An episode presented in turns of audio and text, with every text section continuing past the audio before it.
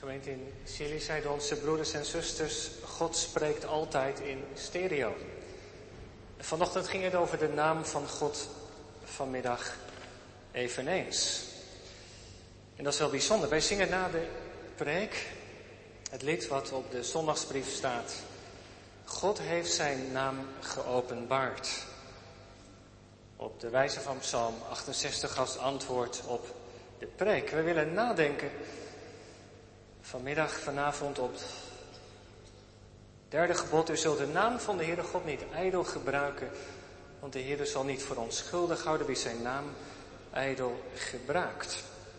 Gemeente van de Heer Jezus Christus, gasten, luisteraars, u kent ze vast nog wel, de reclames van de bond tegen het vloeken.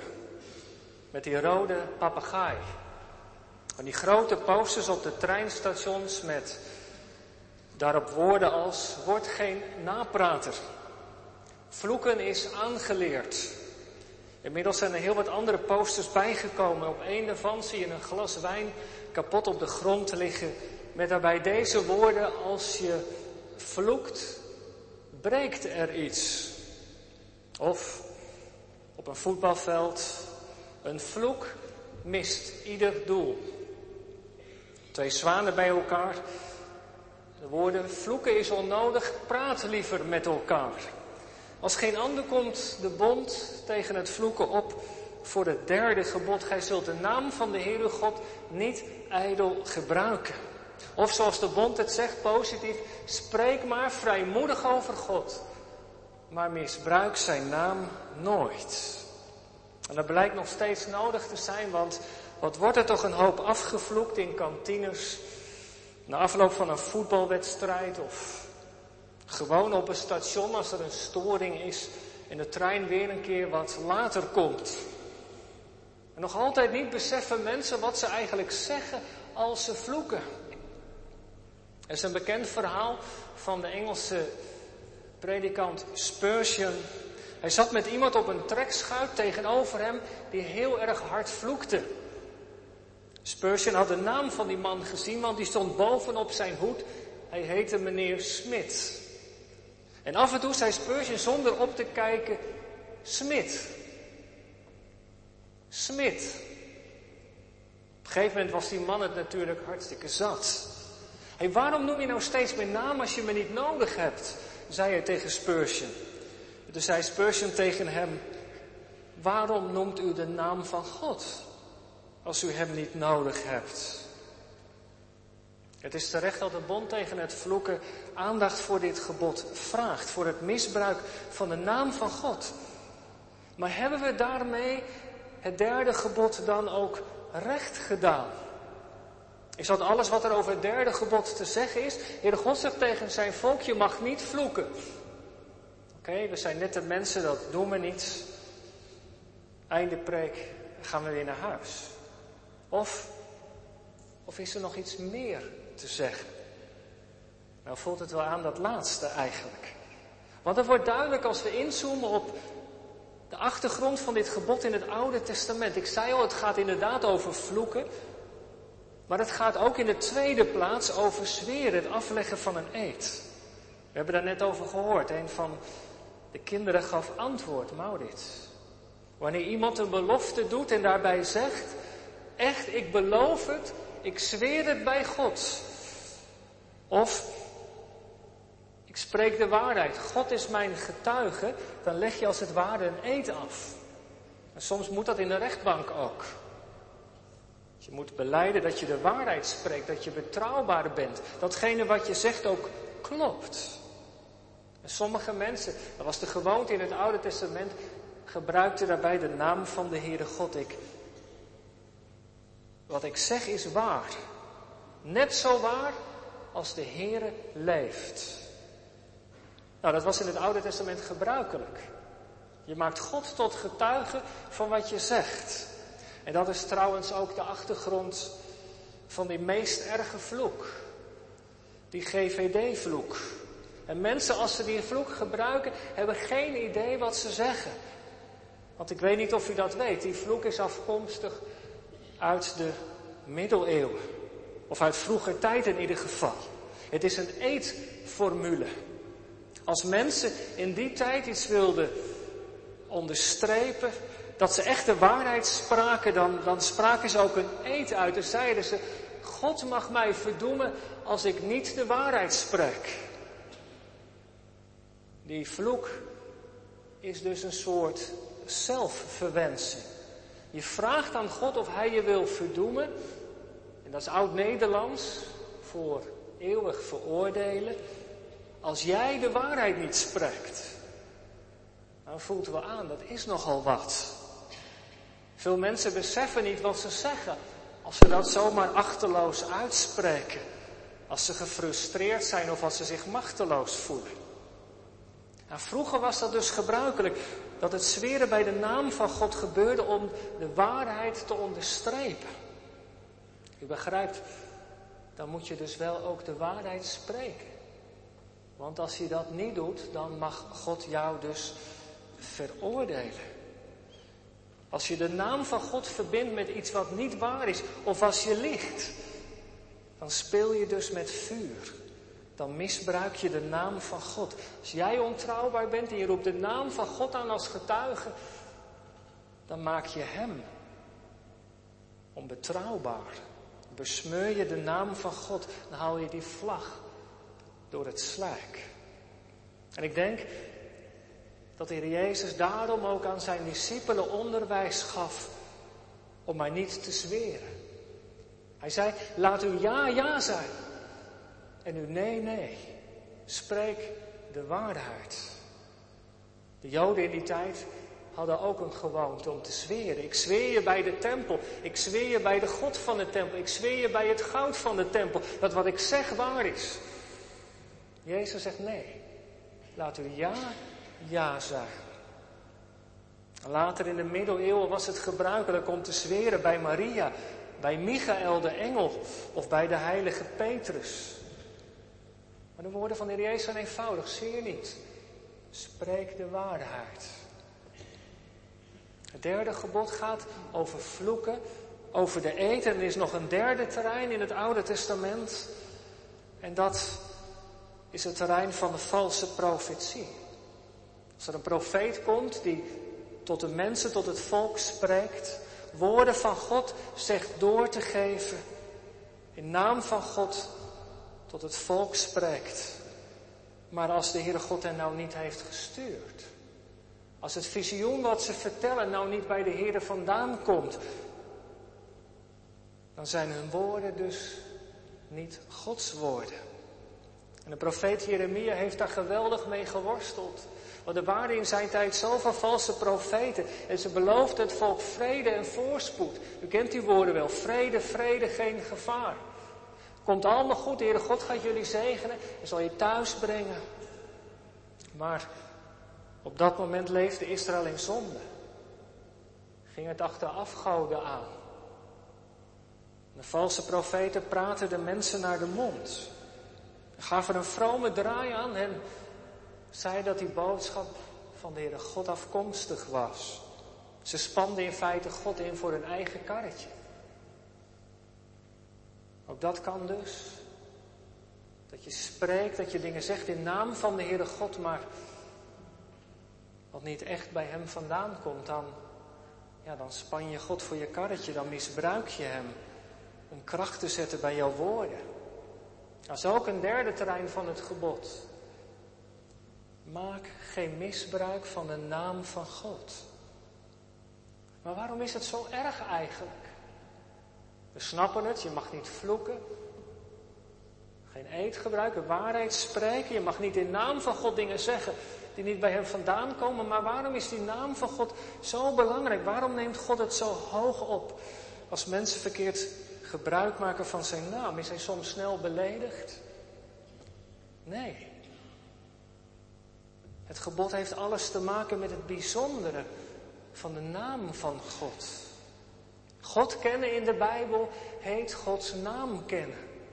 God liefhebben heet Gods naam liefhebben. God loven heet Gods naam loven. En als God ergens zijn nabijheid toont, dan doet hij daar in de tempel zijn naam wonen. Het kennen van die naam van God is zo belangrijk dat Hij een gebod geeft om het te beschermen. Want in de wereld van de Bijbel, dat hoorde vanmorgen eigenlijk ook al, is die naam, is een naam niet zomaar een stickertje wat je ergens opplakt. Je naam is niet alleen je faam of je reputatie, maar als je de naam van iemand kent, dan heb je toegang tot die persoon. Je zou het kunnen voorstellen als je ergens bij een bedrijf komt en je kent iemand die een hoge functie heeft in dat bedrijf. Dan dankzij de kennis van die persoon heb je makkelijker toegang, misschien, tot bepaalde dingen. Kun je eerder dingen voor, voor elkaar krijgen. Als je de naam van iemand kent, dan heb je toegang tot die persoon. Kijk, wanneer er bij u of bij jou iemand voor de deur staat, verkoper die je iets wil verkopen, dan ik weet niet hoe het u vergaat, maar meestal zijn we toch cool en gereserveerd. We kennen de persoon niet die langskomt. We weten niet wat we aan hem hebben. Maar stel nou dat iemand zijn naam noemt. Ja, dan krijg je al iets meer houvast. Is de naam die hij noemt een bekende naam? Dan scheelt dat. Of als het een vertegenwoordiger is en hij zegt, ik kom namens dat bedrijf en het is een bekend bedrijf. Ja, dan kun je misschien wel ingaan op de aanbieding waarvoor die komt. De naam zegt dus iets over wie er voor ons staat. En in de Bijbel is dat nog veel meer het geval dan vandaag de dag. Kende je de naam van iemand, dan wist je dus iets over die persoon. Zoals zijn naam is, zo is hij ten diepste. Zo openbaart de naam van iemand dus iets van die persoon. En zo, zo is in de Bijbel het bijzondere feit vermeld dat God ook een naam heeft. En dat is niet het woordje God. God is net als koning een titel. Nee, de echte naam, daar ging het vanmorgen over, dat is de naam die we tegenkomen met hoofdletters. Heere, Yahweh. Ik ben er. Ik ben erbij. Als God Mozes de opdracht geeft om Egypte te bevrijden. En hij vraagt dan zijn naam, dan zegt God, ik ben er. Ik ben wie ik ben, ik ben erbij. Nu krijgt Mozes hou vast, nu weet hij wat hij aan de Here heeft. Straks als hij in de diepte is, dan is hij er ook. En, en daar dwars doorheen is hij de God die meegaat. Maar als je daarover nadenkt, gemeente, ik hoop dat ik dat duidelijk kan maken vanmiddag. Als God zijn naam geeft aan mensen, dan geeft hij zich als het ware uit handen. Dan geeft hij niet alleen zijn naam, maar dan geeft hij zichzelf uit handen. Dan maakt hij zich kwetsbaar. Ik weet niet of wij dat kunnen aanvoelen. We leven in een heel andere cultuur. En de naam kennen van iemand, dat is voor ons niet zo bijzonder. Of je nu een naamkaartje hebt of niet, ach. Als wij onze naam aan iemand geven, je pakt de telefoon op met die en die, noem je je naam, dan hebben wij niet het idee dat we onszelf uit handen geven. Er is nog niks mee gezegd, alleen maar hoe ik heet. Maar misschien kan ik het met een voorbeeld duidelijk maken om iets van die lading te proeven. Stel, je bent iemand tegengekomen op een verjaardag. En je vindt hem of haar eigenlijk best wel leuk. Laat er even van uitgaan dat het een hem is. Je hebt hem een paar keer ontmoet en je hebt vlinders in je buik. Je bent verliefd geworden. Je komt elkaar een paar keer tegen, je hebt een gemeenschappelijk uitje, maar op een dag trek je de stoute schoenen aan. Je maakt een afspraak, je gaat naar die ander en je zegt tegen hem, ik hou van je. dat is een riskante stap. Als je dat hebt gedaan, voel wel aan, dan kun je niet meer achter terug. Je hebt jezelf als het ware blootgegeven, kwetsbaar gemaakt. En nu is het aan die ander hoe die daarop reageert. Hoe zij, zal hij je afwijzen? Hij kan ook heel onverschillig reageren. Dat doet je dan pijn. Hij kan je belachelijk maken. Of hij kan ook op je aanbod ingaan. en jouw liefde beantwoorden. Maar dat moment, hè, dus dat je dan tegen die ander zegt, ik hou van je, in het voorbeeld, dan stel je dus kwetsbaar op, dan geef je jezelf bloot, prijs. Nou, zo is het dus met de Heere God. Als Hij zijn naam overhandigt aan zijn volk Israël, dan is dat tegelijkertijd, dat hebben we gezien, een liefdesverklaring. Wil je met me trouwen, weet u het nog? Is een liefdesverklaring aan u, jou en mij. Dan maakt de Heere God zich kwetsbaar, dan geeft hij zich uit handen. En ik kan er niet meer achter terug. Nu is het gezegd. Als je gedoopt bent, dan heeft God zijn naam aan jouw leven verbonden. Wat doe je ermee? Wat heb je ermee gedaan? Misschien ben je niet gedoopt en zit je vanmiddag in de kerk. Dan zegt hij ook tegen jou, dit is mijn naam, hoor je het? Ik zal er voor je zijn, ik ga met je mee. Als je straks weer naar huis gaat, zegt God tegen je. Wat doe je ermee?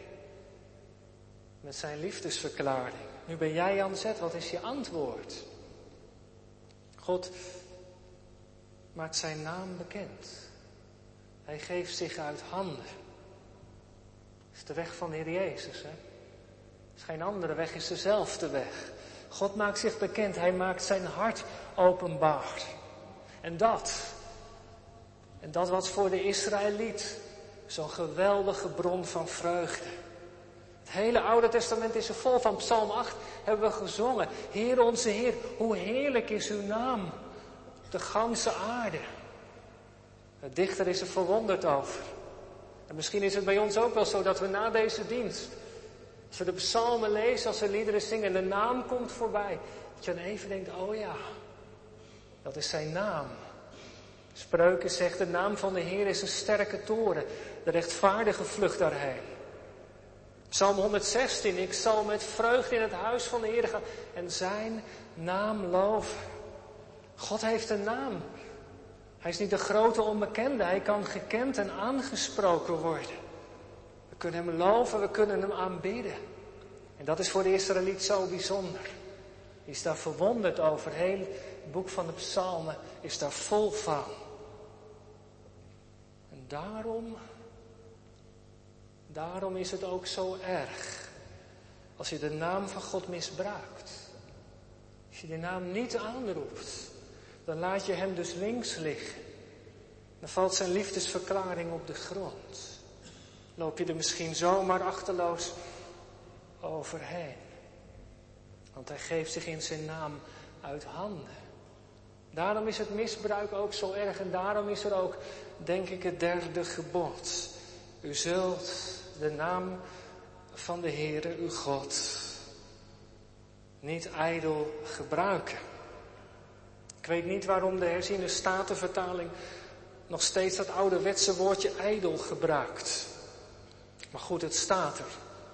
Het Hebreeuwse woord saf betekent leeg. Iets wat geen inhoud heeft. Er staat in het Hebreeuws letterlijk, je zult de naam van de Heer niet optillen voor iets nietigs. Voor iets wat geen inhoud heeft, voor een nietig doel. Maar betekent dat? Je kunt dus de naam van God naar beneden halen. Wanneer Hij voor iets niet zeggend in de mond wordt genomen. Hij wordt gemanipuleerd, naar de hand gezet. Ik bedoel dit. Je kunt de naam van God onderuit halen, niet alleen door te vloeken of door een vals getuigenis te geven. Maar je kunt die naam van God ook naar beneden halen. Door je manier van leven. Door te zeggen dat je in Hem gelooft. Dat je de Heer Jezus volgt. Maar in je dagelijkse leven is dat niet merkbaar. Of doe je dingen die haak staan op de geboden van de Heere God. In het Oude Testament zijn er talloze voorbeelden van dat mensen gingen om te offeren. En de Heere God een offer te brengen. Maar ze leefden in onmin met de mensen om hen heen. Sociaal zwakkere mensen werden uitgeknepen. Sommige mensen gingen vreemd en ondertussen brachten ze gewoon hun offertrouw in de tempel. Want je buren kunnen weten dat je in God gelooft. Maar als je in je relaties niet betrouwbaar bent, dan verbinden ze dat natuurlijk ook met God. Ja, dat is van die buren. Die je belazeren waar je bij staat. Nou, als God een beetje lijkt op die buren, dan hoeft het voor mij niet. Dan kun je de naam van God naar beneden halen. Gemeente, ik trek de lijn nog even door. We hebben Handelingen 11 gelezen. De volgelingen van Heer Jezus in Antiochië. De geest is krachtig aan het werk. Ze zijn hem gevolgd. De gemeente groeit. Het evangelie wordt geleefd en verkondigd. En dan zegt Lucas dat daar in Antiochië de volgelingen van Jezus voor het eerst christen werden genoemd. Dat is de naam die de volgelingen van Jezus kregen. Maar de naam die hen gegeven werd door de buitenwacht, door de niet-gelovigen. Ze werden christen genoemd. En waarom? Ze herkenden in hun leven iets van de Heer Jezus. Handelingen 4, vers 13. Zij herkenden hen als degene die bij Jezus geweest waren. Ze keken naar die christen en zagen iets van Jezus in hun leven terug. Iets van zijn liefde, van zijn overgave, van zijn trouw en van zijn toewijding. Van zijn belangeloze liefde, van zijn wegcijferen. En waar ze waren, de mensen roken de geur van Jezus zelf. Jezus. Kostbare naam, vindt u niet? Wie de naam van, van Hem aanroept, die wordt gered. Door zijn offer aan het kruis hebben wij de vrije toegang tot de Heere God. En dankzij de Heer Jezus mogen wij God zelfs onze Vader noemen. Dankzij de Heer Jezus, die naam van Jezus is kostbaar. Hij is toch ook kostbaar voor u, voor jou, voor ons? Beseffen we dat we zonder die naam geen toekomst hadden? En door, die naam te kennen en Gods liefdesverklaring te aanvaarden, worden we het eigendom van de Heer, mogen we zijn kinderen zijn. Je zou het evangelie eigenlijk in één woord kunnen samenvatten. Dat is Jezus, Christus, Hij alleen. Maar wat, wat is er met die naam gebeurd? De loop van de geschiedenis, die is als een vlag door het slijk gehaald. Het trof me deze week. Wij gebruiken die naam christelijk eigenlijk zo'n beetje voor van alles. We zijn gewend om allerlei activiteiten christelijk te noemen. En soms zelfs met extra toevoegingen. Gegrond op Gods woord of op de drie formulieren van enigheid. We hebben een christelijke sportvereniging, een christelijke vakbeweging, christelijke scholen, christelijke politiek. En ga zo maar door. En ik ga vanmiddag alles niet over één kam scheren, maar is de zaak waarvoor wij staan ook echt de zaak van Christus? Wordt er op een voetbalvereniging net zo hard getackeld en gescholden als op een neutrale vereniging? Wordt er in de christelijke vakbeweging net zoveel machtspolitiek en machtsspelletjes gespeeld als in elke andere vakbond? Wat betekent christelijk als een school leerkrachten heeft die niet geloven, die de kernpunten van het christelijk geloof niet aanvaarden? Wat betekent christelijk als de Bijbel in de klasse niet meer open gaat? Wat betekent christelijk voor een christelijke partij die iedereen toelaat en achter de schermen regelt en lobbyt voor zijn standpunt als elke andere partij ook? En dingen naar de media laat uitlekken om dingen gedaan te krijgen. Is alles wat vandaag christelijk is ook gericht op Christus, de gekruisigde en opgestaande Heer?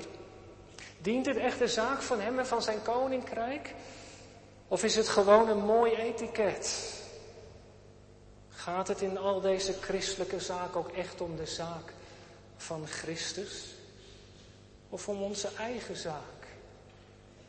Hoe vaak gebeurt het niet dat onze zaak op één lijn wordt gesteld met de zaak van Christus?